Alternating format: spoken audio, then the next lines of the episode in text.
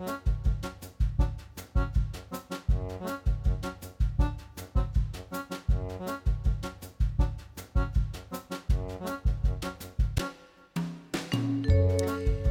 og sæl, velkomin í mannlega þáttinn. Í dag er þriðju dagur 14. mars. Já, og við byrjum að reyfi upp hvað við gerst að þessum degi gegnum tíðina til dæmis árið 1933. Verkamannafélagið á Akureyri hindraði uppskipun á tunnum úr norska skipunu Nóvu vegna deilna um kaup og kjör í atvinnubótavinnu. Deilan var kölluð Nóvu-deilan og leistist fljóðlega. 1950 Steingrimur Steinþórsson var fórsættisráþara og sati ríkistjórn hans til september 1953. Söngleikurinn Fyðlarinn á þakkinu var frumsýndur í þjóðleikursinu á þessum degaru 1969 og verkið naut meiri vinsalda en nokkurt annað leikverk hafi gert eða hafi notið fram að því. 1987 þyrla landhelgiskeslunar bjargaði nýju manns af barðanum sem hafi strandað við Dritvík á Snæfellsnesi og árið 2003 var Feministafélag Íslands stopnað. Og yfir í efni þáttanins í dag, nýtt leikverk eftir leikopin Elefant byggt á einni ástsælistu skáldsögu þjóðarinnar. Íslands klukku Haldós Lagsnes e, verður frumsýnt e, eftir bara nokkra daga. Og leikopurinn Elefant samastendur af ungum íslenskum leikurum af blönduðum uppbruna og þau hafa verið að vinna þessa síningu í samfunnu við Þorleif Örn Arnarsson, einn af helstu leikstjórum þjóðleikhúsins og eh, hún kemur hinga hún Marja Telma Smáradóttir, leikona. Já og við ætlum að forvitnast í dag um sérstakar kvikmyndasíningar í Bíóparadís en þar hefur verið unnið að því undanfarið að bæta aðgengi fyrir reyfihamlaða og í allri aðstöðu uh, og bíósýningar hafa verið aðlagaðar til dæmis fyrir blinda, heyrnaskerta og einkverfa og bóðið hefur verið upp á óheðbundna eh, tíma, síningartíma fyrir þau sem að það vilja. Hrönn Sveinsdóttir, Frankondastjóri Bíópartís, ætlar að koma að segja okkur betur frá þessu hér á eftir. Svo er það veðurspjalli og það er dálitið óvinnulegt að þessu sinni. Elin Björk Jónasdóttir, veðurfræðingur og Anna Sigriður Þráinsdóttir, málfarsráðunautur Ríkisúttarpsins, koma til okkar og við ætlum að ræða við þær saman e, um íslensk veður hugtök og þau geta verið mjög lýsandi, falleg, fyndin, skrítin og oft mjög áhugaverð. Og Anna Sigriður getur sagt okkur frá uppruna þeirra og mögulega sögunni á bakviðu og Elin Björgmunds svo útskýra hvaðu þýða veðufarslega. Já. Gott dúo sem við fáum. Já, heldur betur. Við höfum rætt þetta ofta því að það koma svo oft upp þessi fallegu og skemmtilegu og skrítnu uh, hugtök. Já. En við byrjum á heimilistónum, uh, þetta er Kusto Fæjó sem að var auðvitað í söngukeppni hér um árið. Já, og sló í gegn þó að hafa ekki unnið.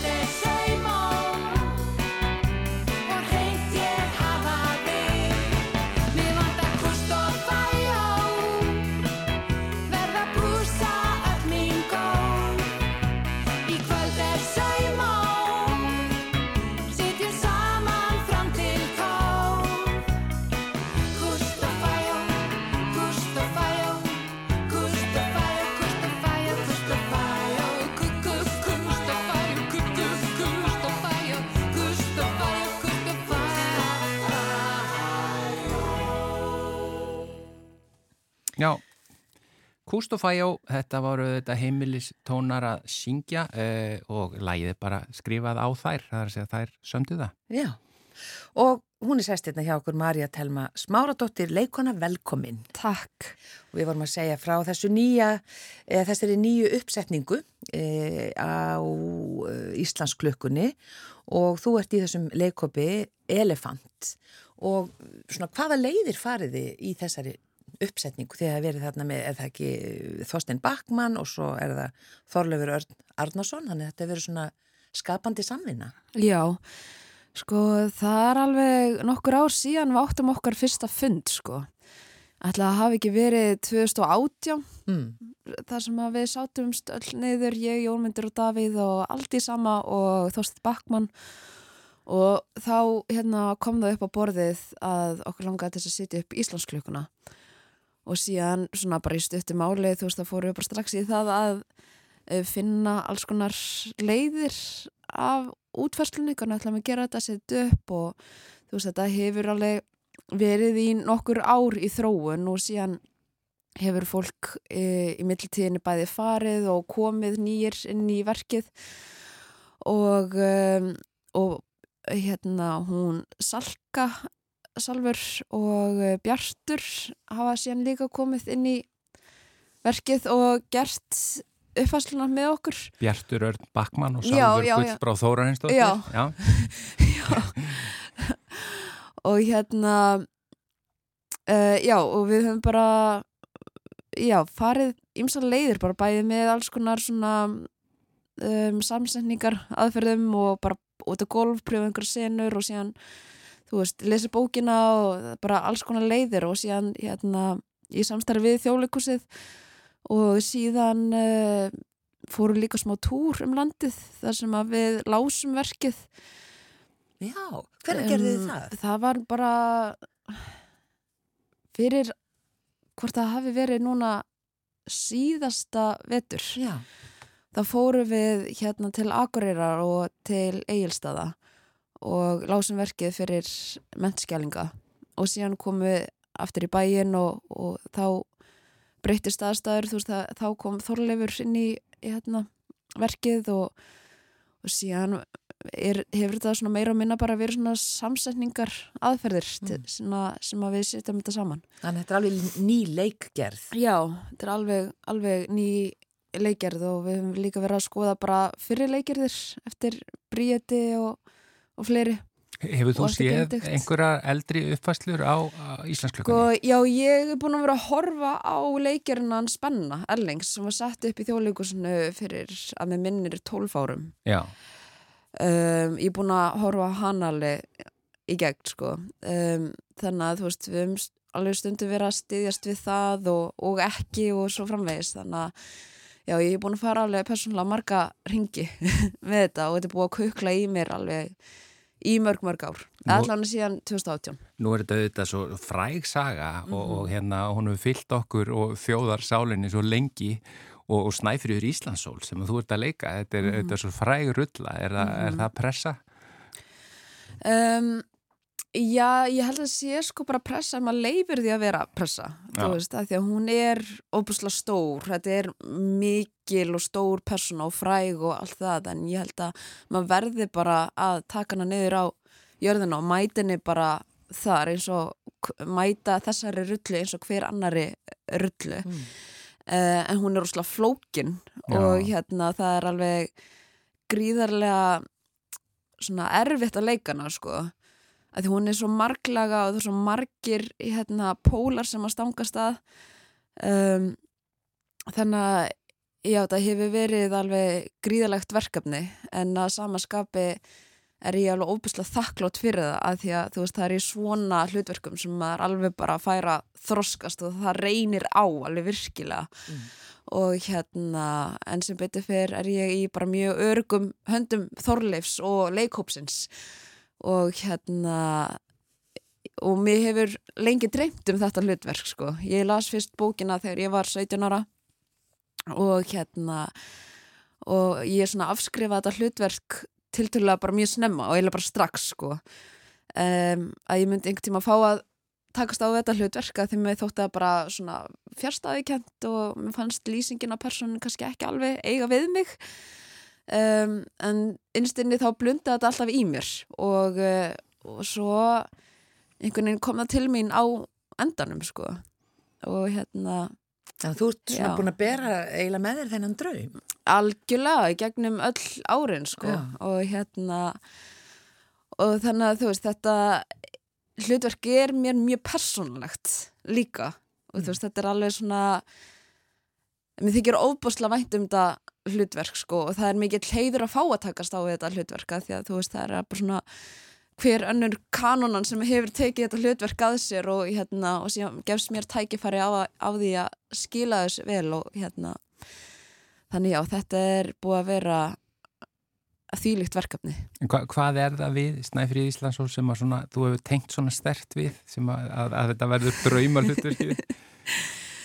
Sko, Haldur Lagsnes hefur náttúrulega sérstakt lagaði að skrifa um skrifa sterkar fennpersonur á sama tíma þar eru svo tímalausar.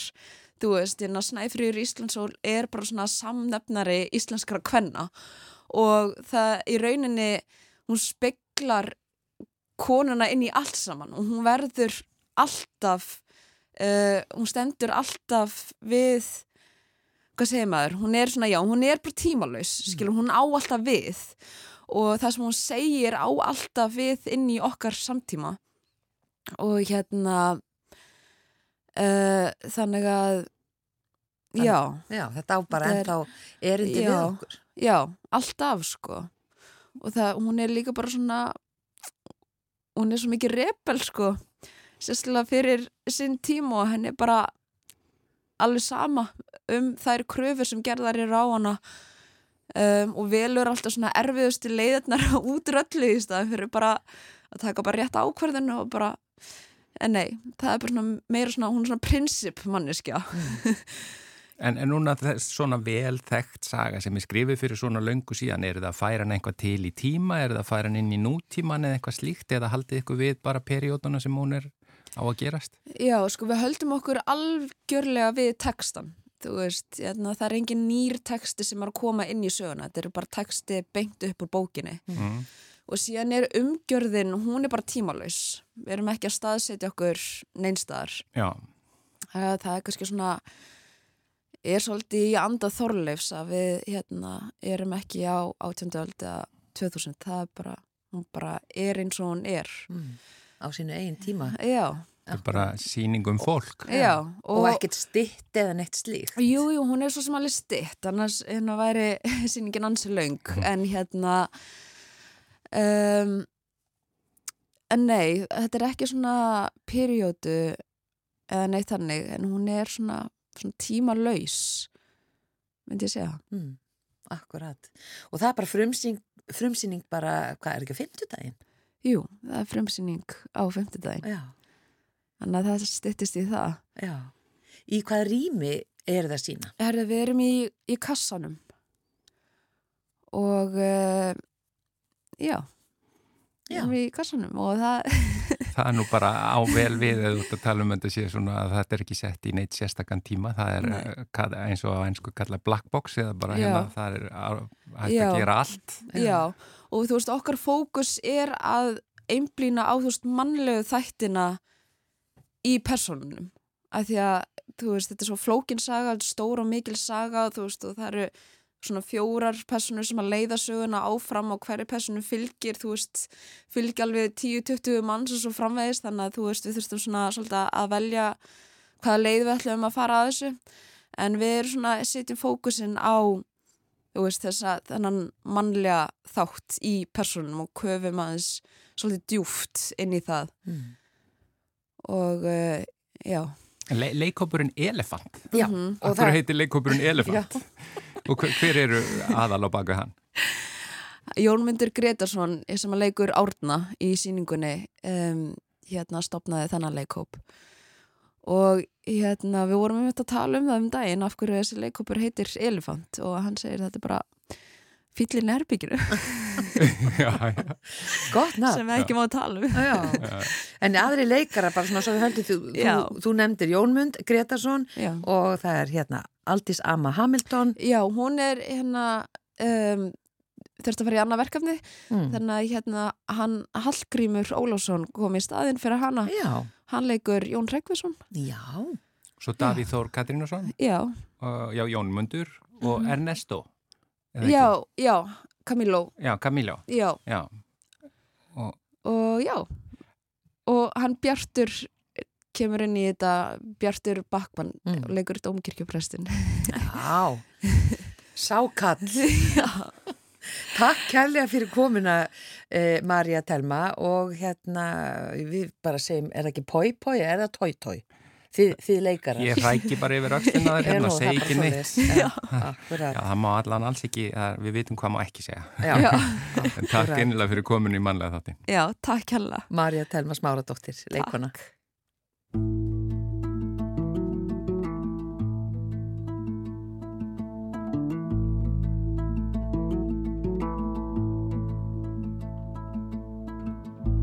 Forty days loving, forty nights.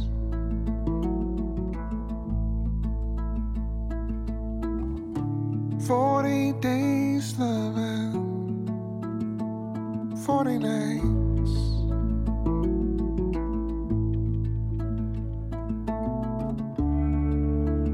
Since I held you closer. closer in my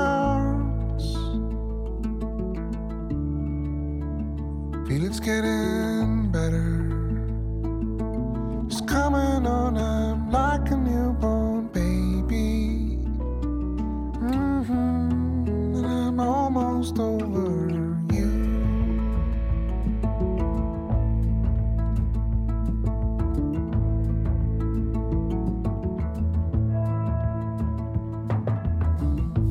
Hear me coming, Lord. I'm coming home.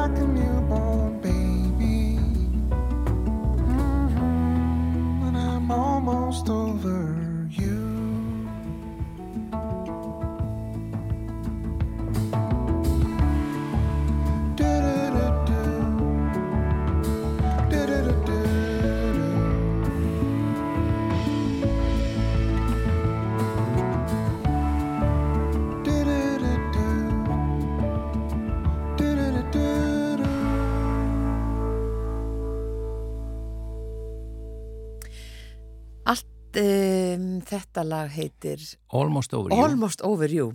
Já, uh, þetta er uh, segja, Haraldur Ingi Þorleifsson sem að samtið það bæði lag og texta en hann kallar sig sem sagt þegar hann er tónlistamæður Önnu Jónusson. Já, akkurat. Já, Flott eh, lag. Já, mjög flott. Uh, við ætlum að spjalla aðeins um uh, sérstakar kvikmyndasýningar hér næstu mínúndunar. Hingaði komin Hrönn Sveinsdóttir, frangotastjóri Bíóparadís. Velkomin í mannlega þáttin. Takk hella fyrir það. Þeir eru með alls konar sérstakar síningar. Það er að segja, bæði hafið þau verið að laga mikið aðgengi það ekki í bíónum bara að öllu í bíópartís. Já, það er verkefni sem hefur náttúrulega verið bara efst á listanum síðan bíóið var stopnað. Mm. Það, þetta húsnæði er náttúrulega alveg algjörðsbatt síns tíma og eiginlega förðulegt að einhver hafi hannað húsnæði fyrir almenning þar sem eru svona þraungir stiga, gangar og ekki möguleiki að hleypan einn maður við vissum að það er því flókjóttýrstverkefni mm. og ég get ekki líst í hvað mér er gríðarlega létt að við sem búin að leysa það. Nú eru allir salinnir, allir þrýr í biopartís loksins aðgengilegir fólki í hjólastól og við bjóðum þeim að koma ókeppis í, í í biopartís, hvenna sem þau vilja og, og þau, með, e, þeir sem þess þurfa fá, e, geta tekið með sér aðstofamann, þeir þurfa ekki að greiða fyrir það heldur. Já. Og við náðum að gera hérna, e, líka sko endur gera salernin okkar sem voru nú orðin svolítið svona svolítið skuggaleg. Já. Hvenar er húsið byggt? Það, það, það er byggt 76 og var á sínum tíma var þetta náttúrulega háteknilegasta og mér er sagt fyrsta fjölsalabíó Norðurlanda. Það var risastórt. Já, já, það er ekkert að segja að það eru nokkru salinir sem er ekkert að segja að hafi verið risastóri. Jú, manni fannst það þá sko. Jú, já, já, já, já. En það var hérna allavega margi sal og það var mjög sérstakt að fara að geta bara valið um þennan og þennan og þennan sal. Já, það var nefnilega máli sko í gamla daga þá réði síningamæður ekki meira við nema tvo sali einu því að það þurfti að skipta, allar myndir voru á 56 bólum Já. og það þurfti að skipta á milli og þess vegna voru síningamenn algjörlega bundin í klefanum. En síðan var fundið upp svona plattasystem þar sem öllum spólunum er splæst saman á stóra platta og þá getur við verið með sko 5, 6, 7 sali í gangi einu og þetta þótti náttúrulega alveg, þetta var náttúrulega bilding sem þú gæst bara fara í bíó og veist bara valið um 6-7 myndir og regnbóin var fyrsta þannig bíóið mm. á Norðurlöndum. Á Norðurlöndum? Já, já hérna. Hvorki meira hann í minna. Og ég minna, fyrst þetta er alveg frá 76, þá auðvitað, já, eða auðvitað því miður var náttúrulega aðgengi ekki eins gott þá og kannski ekki jafn mikið hugsa út í það. Þannig að þetta hefur verið mikið verk, ég minna, hvað þurftu þið að gera? Við þurftu nefnilega, þetta var alveg ótrúlegt þessi sali sem að voru upphafi þrýr, hérna upp á efri pallinum inn í þá eru aðeins svona þröngir, eh, brattir gangar og ekki lifandi möguleiki að koma fyrir liftu. Mm. Svo við nýttum okkur það að það var gamall ingangur á milliðra sem var e, þriðisalurinn og við e, náðum að, að, að þetta var Þetta var mjög tæknilegt svona úrlausnarefn og við þurftum að fá uh, sérstaklega hönnuði sem að hanna uh, aðgengi og, og, og gera þetta samkvæmt lögum og stöðlum en þar gætu við komið fyrir liftu og svo byggðu við sérstaklega andiri sem að þjónar bæði 1 og 2, nei 2 og 3 svo að mm. þú tekur liftuna upp og getur farið í sal 2 í þess átt og sal 3 í hinn áttina en varandi sal 1 þá vorum við búin að vera lengi með liftu þar sem fór svona ská og hún var svo hún var svo leðilega þessi lifta ég bara, ég get alltaf eh, bara talað um það og grátandi því hún var sko, hún var bara, hún stoppaði og fólk var fast í henni og það var bara hlæðilega sko, svo að við endum með að byggja rampa. Við gerum stóran ramp inn í sal 1 og annan ramp inn í uh, uh, gallerið sem er hérna pallurinn. Og svo erum við búin að byggja salinni fyrir fallaða og stæði í alla salina, svo nú er þetta loksins bóðlegt og við erum rosalega ánamið það. Já En svo er þið með alls konar aðrar svona sérstakar síningar. Þið eru með e, útskýraðins hvernig bíósíningar fyrir þá blinda og, og fyrir heyrnalösa eru. Og... Já, sko, við lendum í svolítið skemmtilegu samstarfsverkefni rétt fyrir COVID með þarna bíói í Slovakíu sem heitir Kino Úsmef í gegnum EA-styrkina sem eru Ísland og Noreg og Lichtenstein og það fjallar um verkefnið, fjallar sem sagt um að gera bíóið sem aðgengilegast öllum, mm. að allir geti fundið sig velkomna í bíóin okkar. Og ég verð að segja það að uh, síðustu tólf árin sem að bíópartís hefur verið til, þá höfum við lagt okkur einstaklega mikið fram um að, að, að, að láta, að höfða til fólks af alls konar uppruna, fólk sem að tala ekki endilega íslensku finnst það velkomið í bíópartís þegar við sínum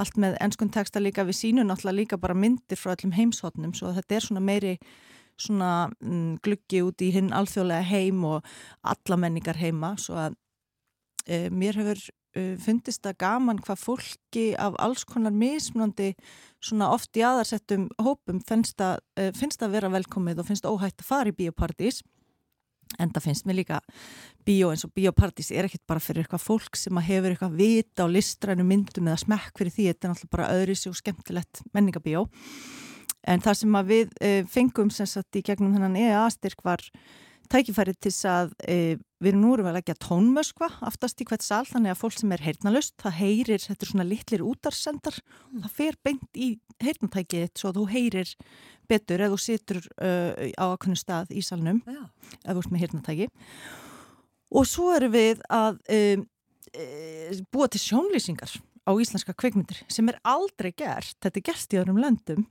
og þetta er mjög spennandi að því að uh, við sagt, búum til sjónlýsingar handrit tökum það upp í stúdiói og svo erst þú bara með app í símanum og þú getur farið á mynd sem að uh, er með sjónlýsingu og þá bara stilluru það inn á appið að þú sett að fara á þessa mynd og þá syngar appið þig við myndina og þú getur bara hlustað uh, í heyrnatólum í símanum. Þannig geta blindir farið í bíó og, hérna, og með öðrum. Það er, þarf ekkert að vera sérsýning. Við fjöldluðum aðeins um þetta í þættinu hérna um daginn, uh, þetta með sjónlýsingar að þetta hefur gert við íslenskar sjónvarsþáttaseríu sem hafa farið inn á Netflix. Það er Já. bara, Netflix setur það reglur sko og það var áhugavert að hlusta á það því það er bara allt alveg líst eftir þessum reglum, þessum sjónlýsingarreglum og þá bara geta þau notið með. Já, það er bara æðislegt. Svo ætlum við að texta myndir fyrir heyrnalösa en um, annað sem við höfum byrjað að gera nýlega, það eru, eru miðugdags bíósýningarnar okkar. Okkur hefur svo lengi langa til að vera með bíó á daginn fyrir þá sem er ekkert endilega að vinna á daginn. Akkurat. Og hérna, fyrst var ég alltaf að hugsa að þetta varu eldri borgarsýningar En, hana, en svo, svo áttaði ég með því, það er bara fullt af fólki sem er ekkert að vinna, það er fullt af sjálfstætt starfandi fólki, það er fullt af fólki í veitingageranum, fólki í uh, leikarar, mm. veist. Já, sem vinnur á öðrum tímum á kvöldin og já. Já, og það, þetta er svo dásanlegu tími að fara í bíó klukkan tvö á miðugudegi, þá eru við að sína bara svona það sem að ber hæst úr dagskráni okkar og við erum í samstarfi við ótrúlega marga hópa, við erum að bjóða fólki úr uh, hlutarkasetri að koma frýtt eða vill og, og af laugarásnum sem er meðferðar gætild og uh, fólki gegnum hérna, teimið sem að er að aðstóða fólk sem er að sækja malþjóðlega um vend það fær að koma eða vill á síningarnar en svo erum við bara með postlista með öllum uh, félagsmyndstöðum eldri borgara, öllum sem eru með einhverja yðvísjálfun eða endurhefingu eða, og veitingageranum og leikurunum mm. og þannig er að mynda svo skemmtilegt samfélag á miðugutugum. Dag og bíó. Já, og þetta er svo frábær leið til þess að rjúfa sko félagslega einangrun. Ef þú ert bara bögaður rítvöndur sem einn heima hefur allan daginn, þá getur þú farið í miðugutagsbíó í biopartís og hitt fólk og fengið kaffi eða, mm. eða bjór eða eitthvað á eftir. Og eru alla síningarnar í bóðið eða bara ein síning? Nei, við erum með þrjá salina svo þú getur valið úr og Já. þetta eru bara svona myndirnar sem eru svona bera hæst í okkar daska. Við reynum líka að sína allar svona íslenskar myndir á þessum síningum. Já. En þið hafa verið að sína líka það ekki sem hefur verið mjög vinsælt pólskar myndir. Já, við erum ennþá að því. Það er mjög stór hópur pólveri á Íslandi. Já.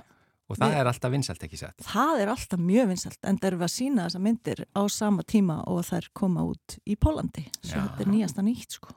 En hvað, að ég rakka augunni bara í kynningateksti á okkur líka kvikmyndasýning fyrir einhverfa, hvernig er, er, er það er? Já, við höfum aðeins verið að pröfa okkur áfram með það og vorum einast líka á batna kvikmyndaháttíð. Þá er það þannig sko að einhverfum finnst gaman að fara í bíó en það þarf bara að undirbúa það vel svo að við byggum til svona lítið hver sem fylgdi síningunni þannig að það var hægt að undirbúa fyrir að fara á síninguna það voru myndir af bíónu hvernig uh, þetta myndi gerast og í hvað röð væri farið í því að sko einhverjum fyrst uh, öll óreiða og þægileg og þá var svona bara dasgra og yfir nú ætlum við, við ætlum að fara í sjóppuna og klukkan þetta byrja síningin og þá var hægt að fara yfir þetta svona myndrænt áður en var farið í bíó svo er hérna uh, hljóðið ekki haft hátt, það er, er svona dempað því allt svona skín áreiti er mm. erfitt fyrir mm. einhverfa og, og ljósin er ekki alveg slögt og það má standa upp og reyfa sig eða gefa frá sér hljóð meðan myndin er í gangi því að það er líka það hendar krökkum sem er á einhverju rofi, þau þurfa að geta hreift sig og þau þurfa að geta tikið sér pásu og staðið upp og, mm. og vil talað upphátt eða eitthvað og það, það gekk bara vel og ég held að þarna ég held að við ætlum að gera fleiri svona síningar og jafnvel fyrir, fyrir heilabilaða. Mm. Þá eru aðrar kriterjur sem að, maður er með en, en hérna það er bara ótrúlega spennandi að hérna bjóða upp á uh, mismandi síningar, uh, hugsaður ekki alltaf út frá þörfum bara, þú veist, eins og við köllum hann að henn lagsta mögulega samlefnara þú veist, heldur að hugsa þetta út frá þörfum alls konar fólks Já, vel gert. Þetta er bara mjög spennandi. Bara eitt alveg í lokin er húsnæði friðað Nei, það er það ekki í Paradís. Nei, Nei, það er þannig ekki. Það er sem Samt svona sögulegt. Fyrsta stóra uh, fjölsala bíó Já. á Norðurlöndunum. það er náttúrulega orðið ennþá sögulegra núna, við ætlum okkur að vera þarna eftir 30, 50, 100 ár svo ætlaði að verði ekki ekkert tíman friðað Mm. með öllum uh, plakvöndunum sem við höfum hengt þarna upp og allt sem hefur gengið þarna á Það er allan gott að við mátt aðlaga það innan eh, fyrir breytar, breyta tíma. Já, við erum svo heimilifandi með þetta og við erum bara, bjóðum alla innilega velkomna í Bíópartís Hrönn Sveinsdóttir, frangátastjóri Bíóparadís, takk innlega fyrir komin í mannlega þátti.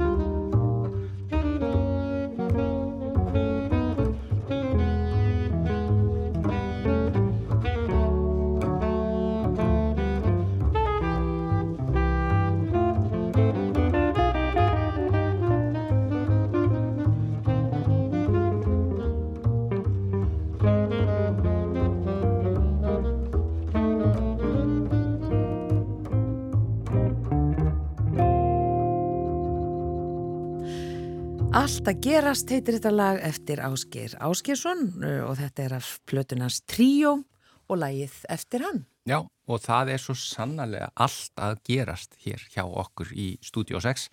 Hinga eru komnar eh, Elin Björk Jónasdóttir, eh, veðufræðingur og Anna Sigriður Þráinsdóttir, málfarsaraðunitur í Kísúðarsins. Það er bara, við höfum ætlað að ná ykkur saman í svolítinn tíma. Nákvæmlega. Það, það er þessi hérna, íslensku veður hugtök sem eru oft skrítin, oft falleg, oft fyndin, alls konar. Þú hefur auðvitað stútir að svona orðana bara alveg, já, segja það á ennsku. Þú hefur skoðað svona orð. Já, ég var ekki eins og búin að að beigist nú. Þetta er nú eiginlega örgla- þetta er nú eiginlega svona hálf íslensk sögn að stúdera. Já, er það ekki? Jú, jú. Já, ég er náttúrulega, er stundum beðinum hérna líka orð svona til tilbreytingar að við festust ekki í snjóstorminum alltaf. Já. Já, Ó, ég hata snjóstormin. Já, hann, hann er mjög ennskulegur. Já, Hann er nefnir þessi það snjóstormur. Samtalið er vel myndað gott íslenskt orð, er ekkert, ekkert Við eigum þannig, en- hríð. og bíl Já, já. og kavald og jél og fullt af alls konar fínum orðum. talað um ég, sko, að, að frumbyggjar í, í Grænlandi eigi, ég veit ekki hvað, mörg hundruð orði yfir snjó, mismunandi tegunda snjó og við náttúrulega erum í mjög mismunandi veðri hér á Íslandi þannig að það er kannski ekkit skrítið að við eigum mjög mikið af, af hugtökum um veður. Við höfum ótal orði við snjó, ég veit ekki hversu örgla minnstakosti jafn mörg og grænlendingar. Svo hefur við líka alveg ofslega mörg orði við vind. Já. Já. Við eigum nefnilega alveg sérstaklega morg orðið við vind, sko. Já. Og hérna, en það sem ég finnst áhugavert með það er að sko vindstígin eiga sagt íslensk nöfn og það er nú ekki alveg endilega algilt, sko, að, að þetta hafi verið þýtt, sko, þessi hérna vindstíg. En það sem ég finnst svo áhugavert verið að þó að við eigum öll þessi orð að þá er til dæmis eins og góla og kaldi að þá eigum við sko góla og svo stinningsgóla og kaldi og stinningskaldi. Þannig að það var einhvern veginn, það þótti ekki alveg nóga mikið hvað, sko, hvassara í, þú veist, að milli þrjú og fjögur til þess að fara úr góli yfir eitthvað annað. Já, svona þrjú og hálft. Já, þetta var svona stinnings þarna, þarna bætt við þér. Aðeins meira. Aðeins meira. Já, einmitt. En mér finnst líka svolítið merkilegt með að því að hún minnist á gamlu vindstíðin, þá finnst mér svolítið merkilegt að sko rók er Já, mesti vindurinn. Mesti vindurinn, já. Já, það er ekki sem er ekkert endilega í samræmi við svona almenna tilfinningu okkar um það Nei. hvernig við notum orðið rók í daglugum tali. Einmitt, það er svo semst stormur, rók fár, eða Og svo ofsaveður, einmitt. Og stendur ekki til að breyta þessu? Er það hægt? Skipta út þarna, skipta á stormi Já, sko, og Er ekki eins og gott og ágætt? jú, þetta er svolítið svo einhvernirnar. Já. Já.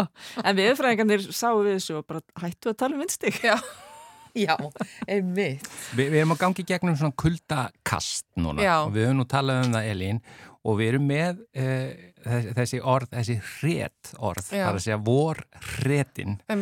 hérna, getur þú satt okkur eitthvað um þau, Anna?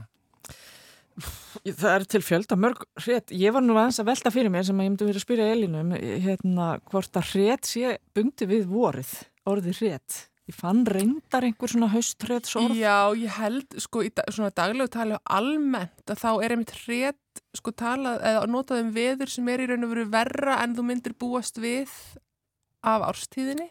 Já. Um, og við búumst bara alltaf við vondi veðri á haustinu og veiturna, þannig að við tölum ekki drósa mikið um Bara á þeim veður. árstíma, tíma. þannig að það er meira, sko, já, það er bundið við voru og þetta sumar, þú veist, það er alveg júli hret, geta alveg, geta alveg orðið, sko. Já, einmitt, vor og sumar. Ég sá reyndar í bara orðabókum fann ég uh, haustret og gánarret sem er Já. það væntalega tengt. Það er mjög snemma höst, gánarhretur yfirlt á hérna í byrjun september Já, og oft tölum við ekki um sko haust eða svona haustu vetur kannski fyrir en eftir miðjan, Já. september miðjan til kannski 20. já. Þannig að það er, ég held að það sé mitt líka svona tíma, tíma Já, háð, og eða þetta er í- ástíða háð. Þetta er svona tengt við sumrin og vorin.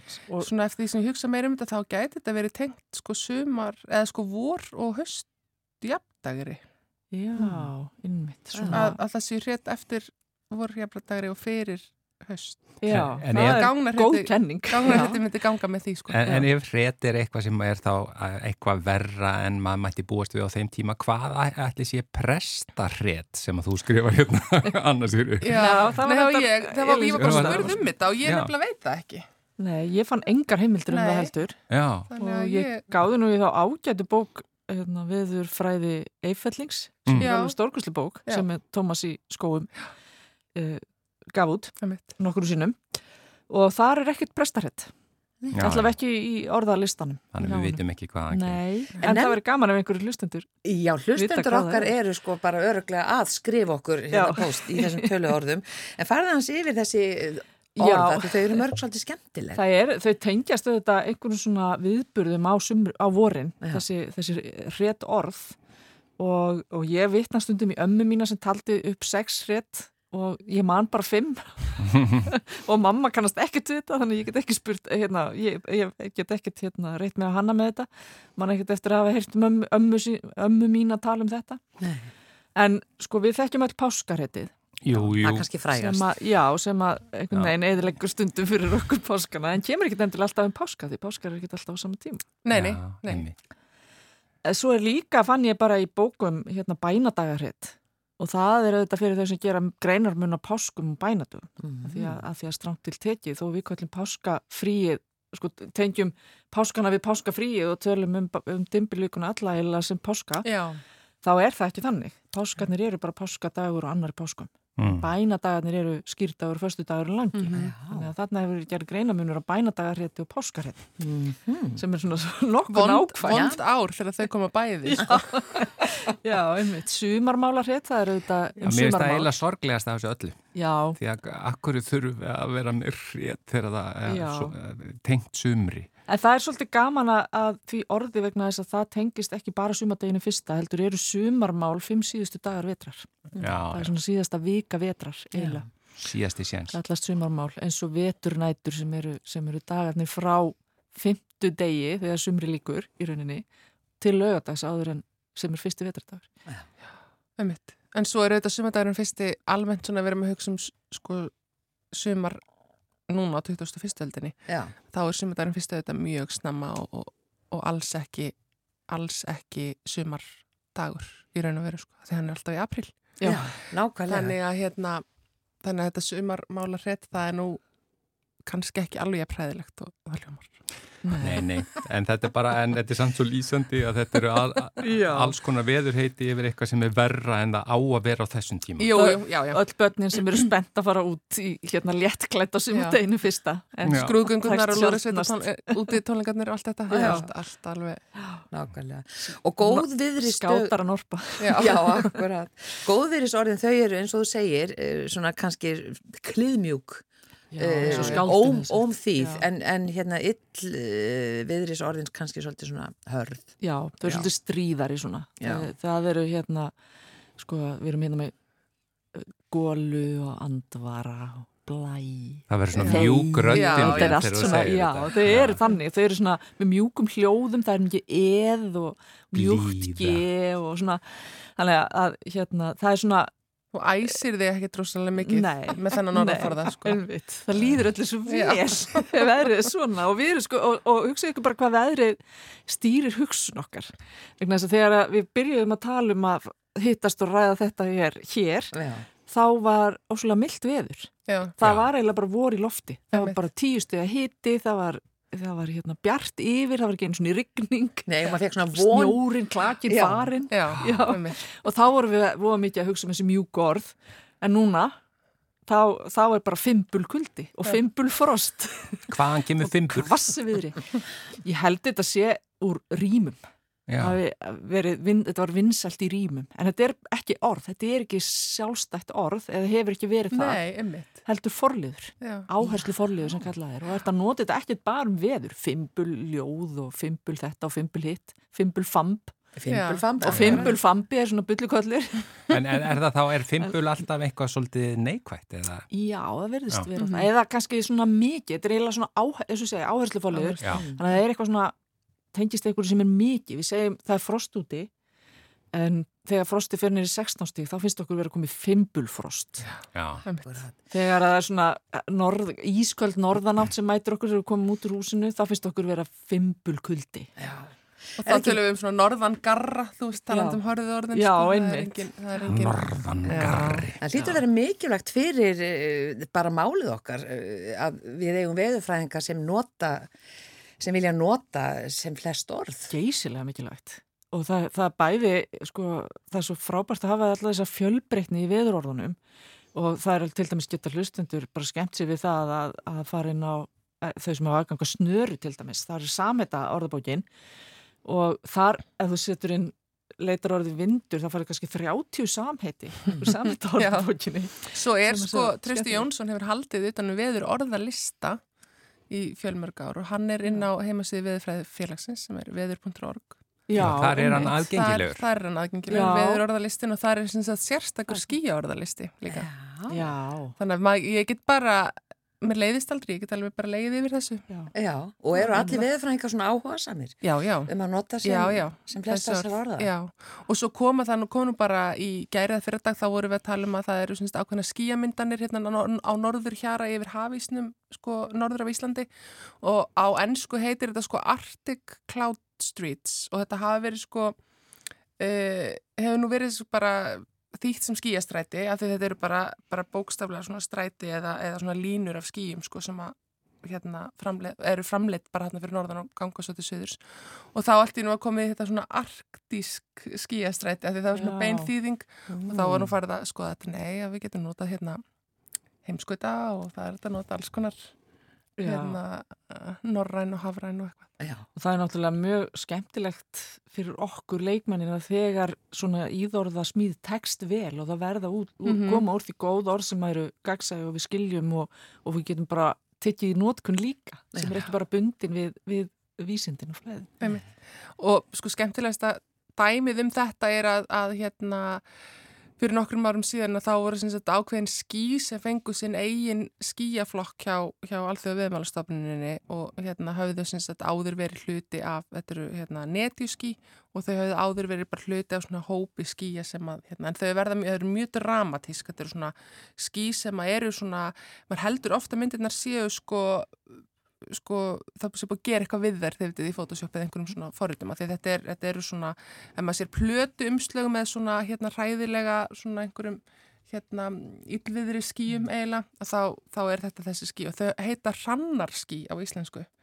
Og málið var að sko orðið yfir þessi ský var löngu til á íslensku held, sko áður en að þessi flokkur skýja fekk í raun að vera sitt eigin nafn. Það var búið að nefna sko nákvæmlega þessi ský og Já, gefa ég- þeim íslenskt nafn Ég fletti þessu bara upp, þetta er einmitt eins og úr bara hryllingsmynd. Já. Eins og verður Já. oft svona, e- eða, eða einhver svona svoleiðis, sko. þegar vondi kallin kemur. Já, Já. þannig að það var mjög skemmtilegt sko þegar að það þurfti ekki einu svona að fara í það og smíð þar. Þar Já. áttu við bara orð. Til.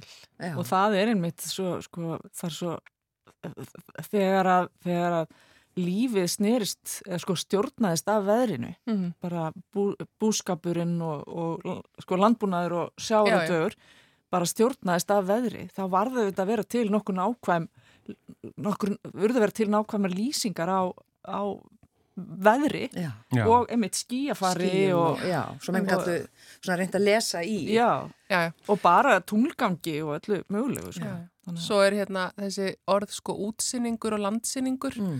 Þetta eru semst orð sem lýsa veðrinu sko og vindræða og skíafari. Semst útsinningur þýðir að það er suðvestanátt og jæljagangur eða skúraveður og hárestir skíabólstrar uh, og á samanskap er útsinningu þá norðanverðu landinu sko ekki úrkoma af því að þá, semst, hún gengur úr suðvestri þannig að það er bara suðvestan, hvað suðvestanátt og þurrt. Svo landsýningur öfugt, þá er það í raun og veru landsýningur á Suðvesturlandi og, eða Suðurlandi. Mm. og þannig að sko það eru til veðusspár hérna, þar sem voru bara landin á miðin, útsýningur Heru, við þurfum bara að fá ykkur aftur Já, í spjall því tíminn er að hlaupa frá okkur.